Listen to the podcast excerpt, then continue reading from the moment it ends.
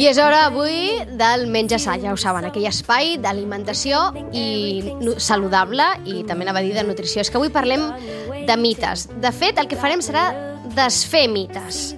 Mites alimentaris i nutricionals que ens acompanyen al llarg de la vida i que ens han acompanyat històricament al llarg de la vida, que encara ara hi ha alguns que estan ben endins de tots nosaltres i la intenció avui és desfer mites alimentaris. get somewhere else. Com sempre, aquest espai ens acompanya en Jaume Jiménez. Molt bon dia, Jaume. Hola, bon dia, com esteu? El nostre nutricionista de capçalera, ja ho saben que té consulta al carrer Àngel Vidal número 25 i que també presta serveis al Sorli. Per tant, allà el poden localitzar fàcil més enllà d'aquests espais de la ràdio. Jaume, anem a desfer mites? Molt bé. Vinga, va, anem a desfer mites. Jo m'he fet una llista, jo crec que ell segurament en traurà alguna altra, però he fet una llista i llavors la, la idea és, jo te'ls vaig dient, bé, jo dic desfer perquè mm, ja intueixo per on aniran les coses, eh? però igual, igual em diu que, que és correcte. Vinga, comencem? Molt bé. Vinga, va, comencem. Un de típic, un que hem sentit tots moltíssim. La fruita per la nit, no, que engreixa. Bueno, això és eh, el, un dels clàssics més eh, habituals que avui dia encara consulta molta gent ho comenta, no? Clar, dius, la fruita té les mateixes calories pel matí, pel migdia, que per la nit. Què passa? Que molta gent eh, el que fa és pues, o un primer o un segon plat eh, ric en calories i després la pobra fruita doncs, és la que té la culpa de tot el que ha menjat durant tot el dia. Llavors, en cap cas, és més, aquest tipus de missatges és perillós perquè fa, perquè fa que molta gent deixi de menjar eh, fruita. I això sí que, és, sí que és un problema, perquè la fruita no engreixa i ningú pot pensar que si pren postre fruita li pot engreixar. A vegades sí que és veritat, i, i d'aquí part, parteix una miqueta el tema, és que gent que té digestions lentes, a vegades la fruita li és una mica feixuga. Doncs en aquests casos el que s'aconsella és separar una miqueta, primer mirar el que està menjant, per veure eh, aquesta digestió passada si té que veure amb una mala elecció d'aliments.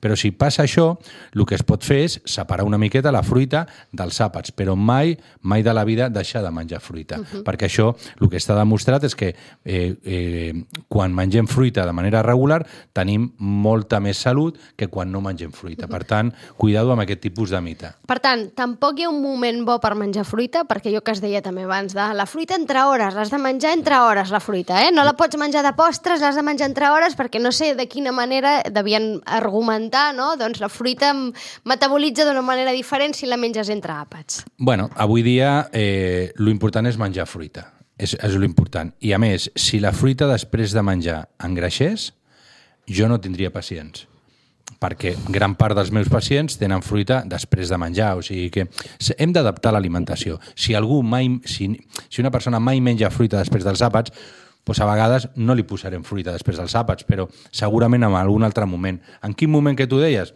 Qualsevol moment és bo per prendre fruita. Per tant, Qualsevol tampoc, moment. tampoc no és obligatori menjar fruita després dels àpats. Eh? La qüestió és que menges fruita al llarg del dia. Exacte, que al cap, Tant fa quan ho facis. que al cap d'un dia tu hagis fet una dieta lo suficientment saludable i, evidentment, aquí dos, tres peces de fruita al dia han de ser-hi. Uh -huh. Han de ser-hi. Prenem nota, pels diabètics, que el tema de la fruita i els diabètics també hi ha molt mite amb això, eh? No, perquè moltes vegades ho sents, eh? No, és que jo sóc diabètica, jo mm, la fruita no la puc menjar gaire, perquè té sucre. Les persones que tinguin diabetes no és que no tinguin que menjar fruita, sinó que han de menjar fruita. Per què? Perquè la diabetis és una malaltia que, si està controlada, es pot menjar pràcticament de tot el que sigui saludable. I la fruita ho és, perquè molta gent deixa de menjar fruita, acaba menjant altres aliments que acaben provocant un empitjorament de la diabetis. Per tant, a la persona que tingui diabetes ha de menjar fruita i si té qualsevol dubte ha de visitar un nutricionista que li expliqui en quin moment la fruita li anirà millor i quin tipus de fruita, arribat al cas, li poden anar millor o pitjor -huh. segons el moment. Prenem nota, un dia parlarem de- d'alimentació per diabètics, perquè mm, és una malaltia molt, molt, molt estesa, moltíssima. L'altre dia em sembla que sortia un, un percentatge i era un percentatge altíssim el nombre de població que té diabetes cada vegada més, eh? I un dia estaria bé que parléssim de nutrició pels diabètics, alimentació. Però vinga, va, seguim amb mites. Molt bé. Ja, el de la fruita ha quedat clar, eh? La fruita qualsevol hora te'n fa, però menja fruita. I no engreixa en cap moment. Sobretot fruita de temporada. Molt important també per eh, més sostenible a nivell mediambiental, més riquesa a nivell de vitamines i minerals i fomentem el comerç local. Això és important també. Per tant, ara, bàsicament, mandarines, per exemple. Que ara estan les mandarines que estan sortint i, a més, estan Sí. boníssimes. Vinga, va, un altre mite.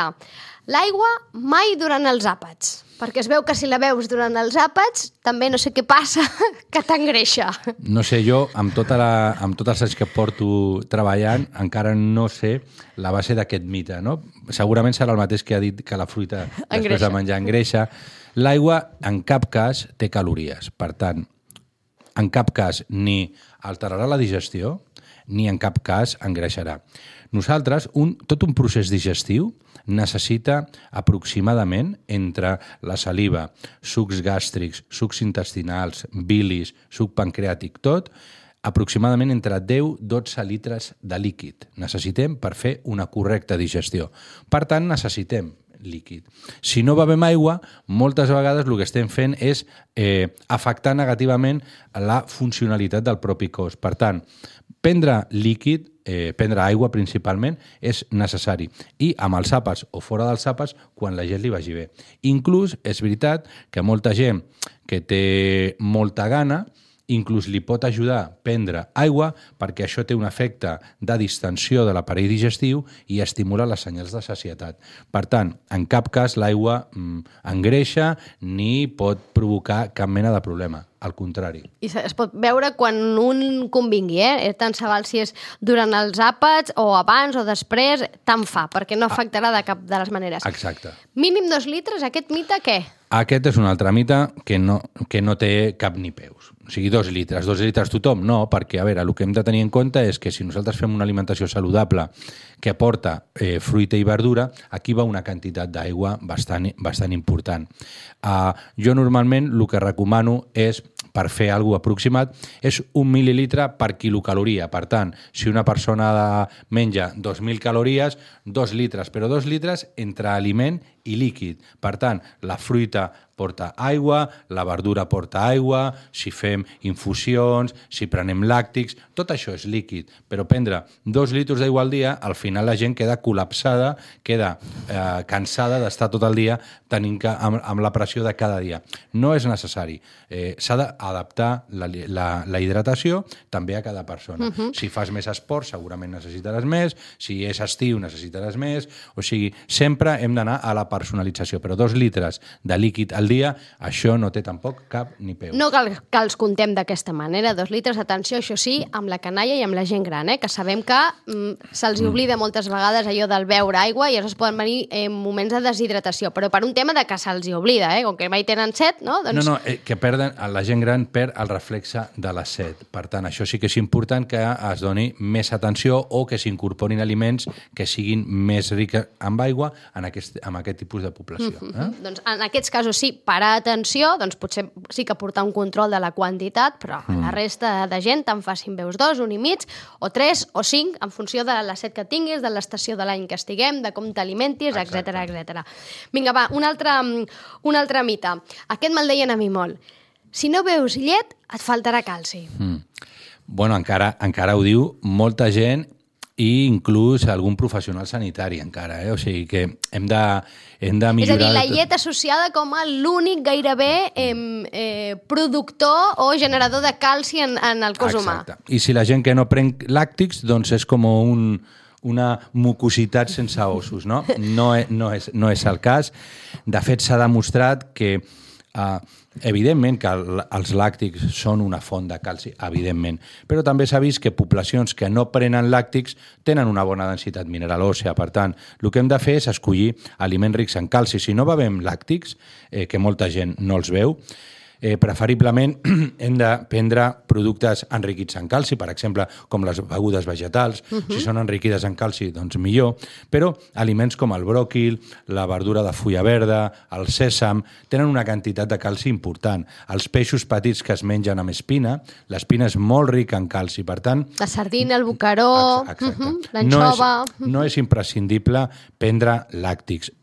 el que hem de tenir en compte és, si volem tenir una bona salut òssea, hem de fer activitat física, molt important, hem de menjar eh, suficientment eh, calci, hem de mirar els nivells de vitamina D que tenim, que molta gent té baixos nivells de vitamina D. O sigui, no només el calci és el promotor d'os, hem de tenir en compte tota la resta d'aliments que actuen en sinergia per tenir uns ossos que siguin sants, no només el calci.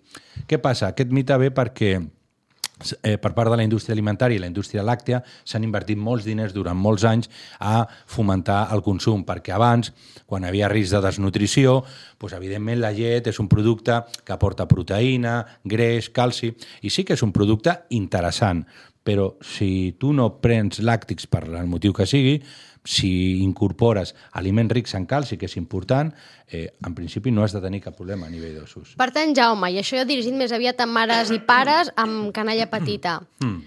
no és eh, indispensable que els nens cada dia prenguin un got de llet, eh? ni al matí ni a la nit. És a dir, potser hi ha nens que no els agrada la llet o que els hi senta malament o simplement això, que no els agrada, que prefereixen altres coses. Un alt... Hi ha alternatives. Mm. No és necessari ni indispensable pel creixement d'un nen que cada dia esmorzi un got de llet.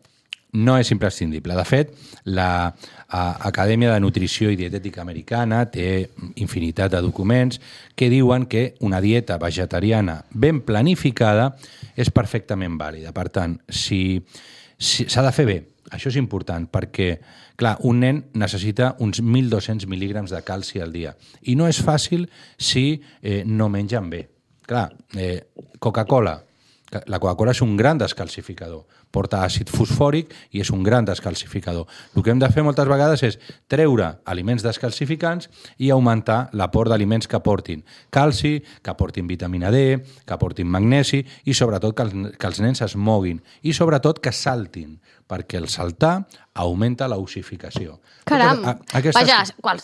això deu ser bastant comú als nens, no? Nens que no salten deu ser raro. Bueno, avui dia que estan asseguts al sofà jugant a Passa, no? hores i Passa. hores és un problema. O sigui, el que hem de fer és una activitat, eh, una vida activa i incorporar aquests aliments. I el mateix que he dit abans, si tenim dubtes de si els nostres nens estan menjant prou calci, han d'anar a un professional que els digui què poden, què poden i què no poden menjar. Eh? Ja que seguim, que parlem de llet, eh, un altre mite d'aquests de...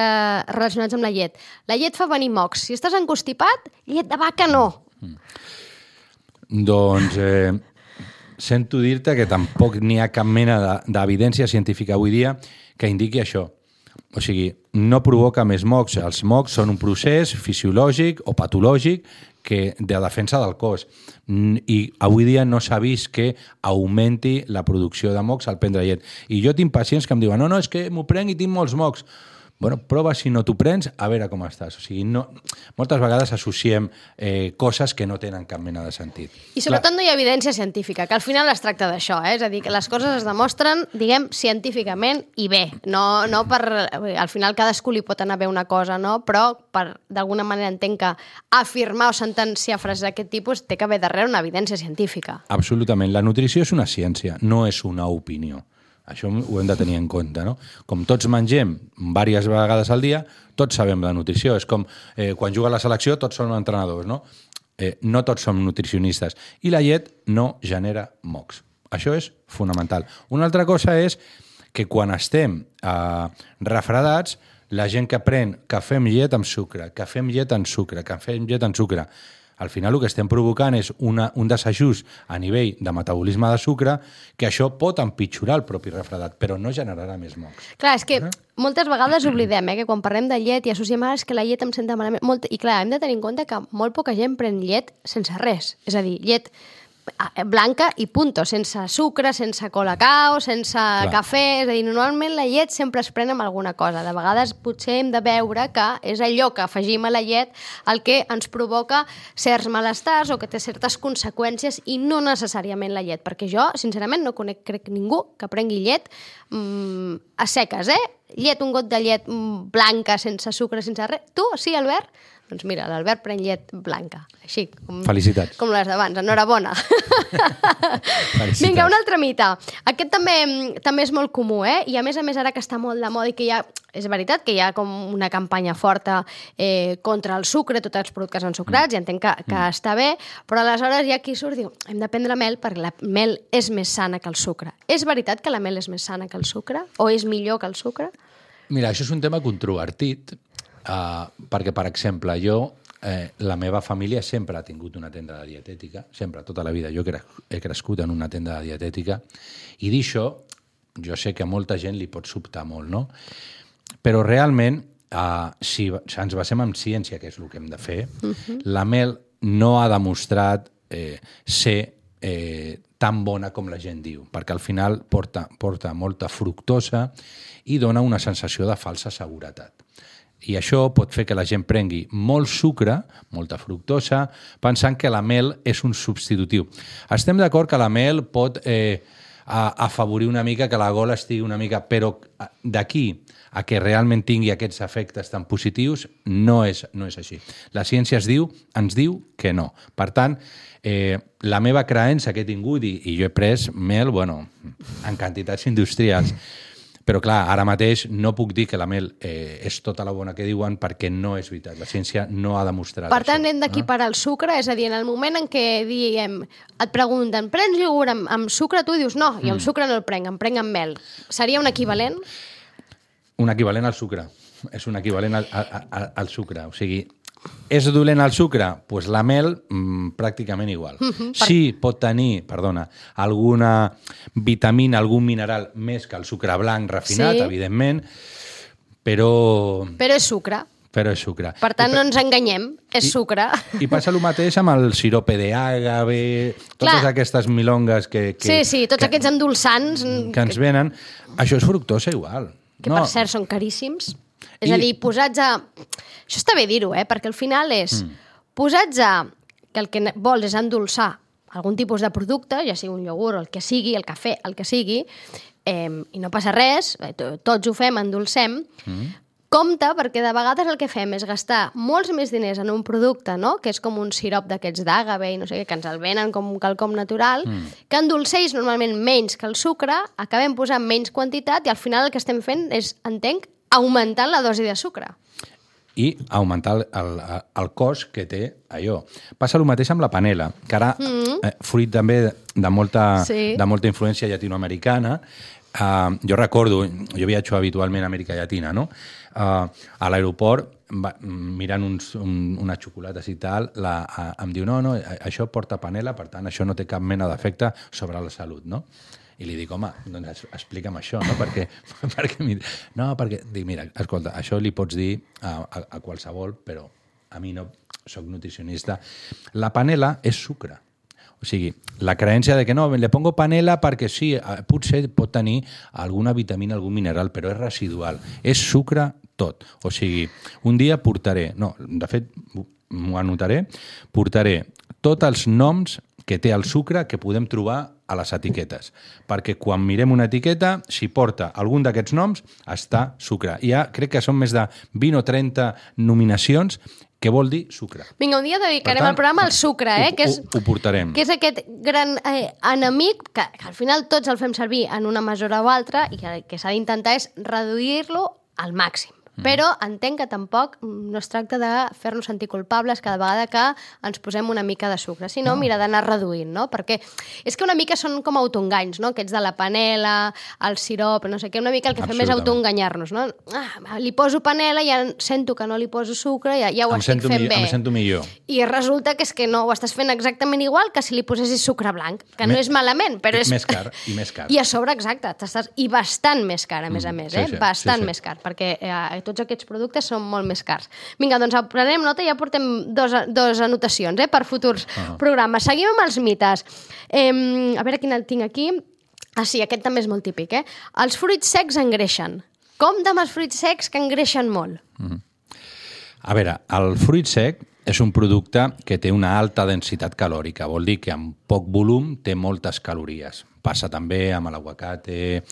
Però el que hem de tenir en compte és que el que ens diu en diferents estudis, entre ells situa l'estudi Predimet, que és un dels estudis que s'ha fet sobre dieta mediterrània més grans i amb una gent molt potent, i el consum de fruits secs s'associa directament amb una reducció significativa de malaltia cardiovascular. Per tant, I això sí que hi ha base científica aquí, eh? Claríssima, i molta. Llavors, la gent que menja fruits secs té menys risc de patir problemes cardiovasculars. I, a part d'això, resulta que es calcula que aproximadament el 20% del greix que porta el fruit sec no s'absorbeix. Per tant, vol dir que no tenen tantes calories. Sí, tenen calories, evidentment, tenen moltes més calories que altres aliments. Però, com, com tot, la quantitat és el que ens dirà si estem menjant molt o no. Quina és la quantitat? La quantitat és el que càpiga a la palma de la mà un cop al dia com a mínim, 20 grams. 20 grams. No el que cap a la mà, el que cap a la palma de la mà, uh -huh. a la part central. D'aquesta manera ho estarem fent molt bé i no engreixarem perquè inclús s'associa el consum regular de fruits secs amb menor perímetre de cintura. Per tant, estem parlant que, com tot, clar, si em menjo un paquet sencer de fruits secs, evidentment m'estic menjant moltes calories, saludables, però moltes calories. I l'accés també és dolent. Però si mengem una quantitat raonable cada dia, tindrem millor salut. I això és el que la ciència ens diu. Per tant, hem de prescindir d'aquest tipus de missatges. Que, mm? que entenc que aquí van lligades dues coses. Eh? Una, que d'entrada eh, em sembla interessant, que a més el fruit sec és un àpat perfecte per dur a sobre, per fer entre hores, allò que, allò que tens un pic de gana i, i moltes vegades acabes menjant alguna marranada, doncs ah. un fruit sec no? és, és saciant i a més a més estàs menjant quelcom saludable. I l'altra, que moltes vegades, amb això que deies, no? que és molt calòric, Clar, fem això de comptar calories, no? Que, que entenc que és el que els nutricionistes sempre dieu que no s'ha de fer mai. És a dir, això de menjar, alimentar-se comptant calories eh, eh, és una equivocació. Bueno, en algunes vegades pot anar bé, però en altres no. La majoria de persones el que hem de fer és un enfoc qualitatiu. Si qualitativament estem menjant bé, segurament també ho estarem fent a nivell quantitatiu. Per tant, no ens hem de tornar bojos comptant calories i grams, sinó eh, utilitzar eines com les mesures casolanes, per exemple, però sobretot un enfoc qualitatiu. Això és, és molt millor i no agobia tant a la gent. Per -huh. tant, el fruit sec ha de formar part, ha de formar part ha de formar part de la nostra alimentació, que a més a més el podem afegir amb un munt de plats, eh? amb amanides, mm. amb cremes a l'hivern, és a dir, és, és molt fàcil d'incloure en qualsevol eh, aliment. Vinga, un altre, que aquest és com, eh, és més aviat com una expressió, eh? una frase freda que et deien esmorzar de rei, dinar de príncep, sopar de pobre. És a dir, l'esmorzar has d'esmorzar molt fort, has de dinar més o menys normalet i sopar molt poquet. Clar, això hi ha gent que entenc que li deu anar molt bé o que li deu funcionar i que ho fa servir, mm. però clar, no sé si a tothom eh, li encaixa, perquè també hi ha gent que, que es lleva al matí i, i és de poca gana, diguem, no? Exacte. Hem, aquí hem de personalitzar. O sigui, aquest mite té una part de veritat i té una part de no veritat, com sempre. No? Sí que és veritat, ara s'ha avançat molt amb el tema de la crononutrició, no? Uh -huh. i és com, el, com els diferents rellotges biològics que tenim poden afectar el ritme, el, els ritmes metabòlics. No? I sí que és veritat que sembla ser que la gent que sopa després de les 10 de la nit i la gent que dina després de les 3 de la tarda poden tenir més problemes per tenir una bona composició corporal. Això és una cosa. Però hi ha gent que no esmorza, inclús s'està veient que endarrerir una miqueta l'esmorzar pot ser inclús beneficiós perquè genera una situació de dejú que pot ser interessant per al cos, per determinats mecanismes. No? Perquè, per exemple, quan nosaltres eh, estem eh, un temps prudencial, no, no massa, eh, però prudencial, sense menjar, això sembla que pot tenir efectes positius a nivell celular, eh, estimula determinats gens associats a la longevitat. Per tant, la gent que no esmorci tampoc s'ha de sentir malament sempre i quan després durant el dia mengi correctament, ¿vale? perquè no esmorzar fins al dinar i després al dinar menjar fatal, doncs, doncs no. Però sempre hem, sempre hem d'adaptar. També la gent que esmorza, eh, la gent que no esmorza mai i li han obligat a esmorzar, s'ha vist algun estudi que augmenten de pes. Per tant, la gent que no esmorza mai després menja bé cap problema. La gent que és d'esmorzar, doncs que, que esmorci, cap problema, sempre que fem una alimentació saludable. El dia del de, sopar, que s'ha de sopar menys, home, també tindrien que sopar al voltant de les 8 de la tarda.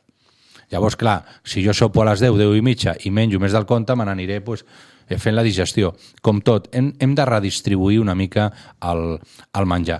Però això d'esmorzar com un rei sí. i tal... Mmm... No necessàriament, és a dir, no hi ha un patró únic per no. tothom, eh? És a dir, s'ha no, d'anar adaptant. No, això. perquè a part hi ha el, el, el cronotipo eh, eh, diurn i el cronotipo nocturn, o sigui que també dintre de tota la individualització hi ha gent que pot eh, funcionar millor eh, amb, amb àpats matinals, amb àpats eh, més tard, o sigui, és, cada vegada anem a la, i persona, que aquí a, a la personalització. Exacte, i entenc que aquí també entra eh, la logística familiar, no? Cada vegada, és a dir, la feina i la laboral, és a dir, També. cada vegada un té una feina o uns hàbits familiars a casa i uns horaris que doncs, et permeten Hmm. dedicar més estona a un àpat que a un altre, doncs, mm, i entenc que ho aprofites, no? És a dir, potser doncs, Exacte. la gent que sempre dina fora no farà igual grans dinars, no? O la gent, no ho sé. És O a sí. dir, o sí. o sí. Perquè tot. Dina, sí, clar, home, no sé, igual portar de tàper, la gent que va de tàper no sé si Mm. porta grans taparades, no? Normalment és una cosa lleugereta i jo puc pim-pam. dir que a Tuppers he vist eh, incre... coses increïbles de bones i coses incre... increïbles de dolentes. O sigui, Mira, aquest tàpers estiu, ara que estem d'anècdotes, eh? aquest estiu vaig veure tota una família a la platja, Mm. a la platja a l'estiu, eh? una calor, una calor, que anaven a dinar i quan treien els tàpers, no sé, jo a la platja tota la meva vida havia dinat un entrepà, una amanideta. Fresquet. Van treure una carn amb salsa Hosti, tu. a la platja que vaig pensar, mare meva, Tots suats, no? complicació Mare de fer. És veritat que amb el món del tàper ens hem sofisticat Sí, sí, molt, eh? sí, sí. Avui en dia, abans era una cosa de pim-pam, allò una Sí. cosa ràpid, i també abans els nens, quan anàvem d'excursió, tots ens posaven un entrepà, i ara els nens ja no volen entrepà, ara els Mira, nens demanen tàper. L'altre dia, eh, a l'escola del meu fill, eh, eh, un, un nen, eh, tortes d'arròs amb formatge Filadèlfia 0%, i dic, escolta, mm, dic, això a mi no em sembla gaire interessant per un nen. No, és que la seva mare és que se, sempre mira molt el tema... Això és el típic berenar o esmorzar d'un nen que a casa seva són bastant obsessius amb el menjar perquè hem d'aplicar el sentit comú. Que no dic que, que sigui dolent, però, home, unes dos tortes d'arròs d'allò insípid, amb crema Filadèlfia... Por expand, i aquí li diu por expand a les tortites d'arròs. Filadèlfia 0% amb un nen a mig de matí que està ple d'activitat intel·lectual i física, home, potser no és la millor opció. Si necessita una mica més de benzina, no? Una miqueta més. Això, bueno, la mare potser que li pugui anar bé, però, home, no hem d'adaptar o no hem de fer la nostra alimentació per alguna situació a tota la família. Vale? eh, per això Mhm. Sí, dic que, amb els nens s'ha de pensar que, que- que, que tenen altres desgasts, no? És a dir, ells consumeixen a un altre ritme, clarament, que, Exacte. que, que els adults. I, Déu-n'hi-do I pot ser això, però fica-li uns fruits secs, fica-li una fruita, i home, donem una miqueta més de, no? de, de, de cos aquest esmorzar. Vinga, acabo. Acabo amb, amb aquesta, no sé si dir falera o moda que hi ha ara amb el tema del gluten i també ara Mm. corre un mite que diu que si menges sense gluten t'aprimes. Quina meravella. Pues no és veritat. No és, no és veritat. Uh, això ve d'una... Bueno, jo he escoltat fins i tot eh, avortaments si menges gluten... Bueno, ara, ara hi, ha, hi ha un descontrol Sí. sí. absolut amb tot això i s'ha d'aplicar eh, el sentit comú però la ciència, no? Perquè sí que és veritat que cada vegada hi ha més gent eh, celíaca. Això és veritat, això és una dada objectiva. Però aplicar dietes sense gluten a persones que no tenen una malaltia diagnosticada inclús pot agreujar la seva salut. Per exemple, s'ha vist que la gent que treu el gluten i no té per què treure'l pot tenir més risc de diabetis i malaltia cardiovascular. Per què? Perquè acaben menjant aliments més rics amb arròs, més rics amb, amb, amb blat de moro, que pot augmentar el nivell de sucre. Per tant, cuidado amb treure aliments eh, pensant per una suposada, un suposat benefici perquè després menjarem d'altres. Clar, si traiem el gluten estem traient eh, cereals integrals. Els cereals integrals aporten molta fibra, aporten molts fitoquímics i cuidado amb això. És veritat que hi ha la celiaquia, hi ha la sensibilitat al gluten no celíaca, que això és veritat, que hi ha Sí. gent que li cau malament el gluten i totes les proves diagnòstiques les surten negatives. El que s'ha vist és que mol- moltes, moltes vegades això poden ser per als fructanos i hi ha altres components dels aliments que poden provocar aquest malestar. Lo fàcil, el gluten, el gluten, el gluten, quan no és ben bé així. Estem d'acord que menjar eh, unes quantitats tan grans de, de gluten tampoc és correcte, com tot, no? Però cuidado al treure el gluten, no es perdrà més pes, no es perdrà més pes si treus el gluten. Eh, i inclús a l'esport s'està traient el gluten per una millora també del rendiment esportiu i ja s'ha vist també, la ciència ens diu que no hi ha cap millora. Va sortir el Djokovic, no? Sí. Dieta sense gluten, tal. Bueno, el Djokovic és possible que tingui un problema de salut diagnosticat, per tant, davant del dubte, s'ha d'anar al metge, que ens facin les proves pertinents i si tenim una celiaquia o una sensibilitat al gluten no celíaca, doncs anem a un professional que ens marqui una pauta d'alimentació. Però si no, pues, eh, no hem de fer dietes restrictives perquè al final el que podem tenir són certes deficiències que poden empitjorar la nostra Sí. salut. Com a dieta d'aprimament, no és correcte. La No. dieta sense gluten s'ha de fer mm, determinada per un professional. I compte que no és una broma la celiaquia, que la gent que és celíaca ho passa molt malament, que és un conyàs això del gluten, No, no, perquè a més a pots més... morir. Exacte, Pots és a dir, morir, és pots una morir. malaltia seriosa i a més a més els celíacs de debò no és només que no poden menjar gluten, sinó que res pot tocar el gluten, han de tenir els seus estris a banda, és a dir, realment és, un, eh, és una murga eh, important lo de la celiaquia i és una malaltia preocupant. La sensibilitat al gluten potser ja no és tant, però també eh, es passa eh, malament, eh, perquè mm. diguem que hi ha diguem, eh, malestar d'alguna manera que al final acabes determinant aquí. Per tant, eh, demonitzar el gluten ara, que és una mica el que s'està fent, no? i de la mateixa manera que es va demonitzar el pa i una mica ara també s'ha demonitzat doncs, el gluten, això també ho aprofiten les marques i treuen de sobte tot de producte sense gluten, més car, per cert, bastant més car.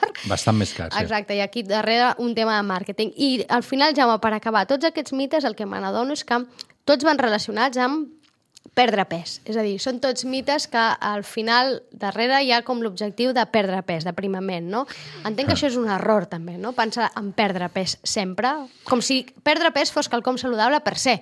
Exacte. De fet, farem un programa, farem de l'enfocament no dieta, no? El, el pesocentrismo que parlem avui dia, no? que tot, ja, tot centrat amb el pes.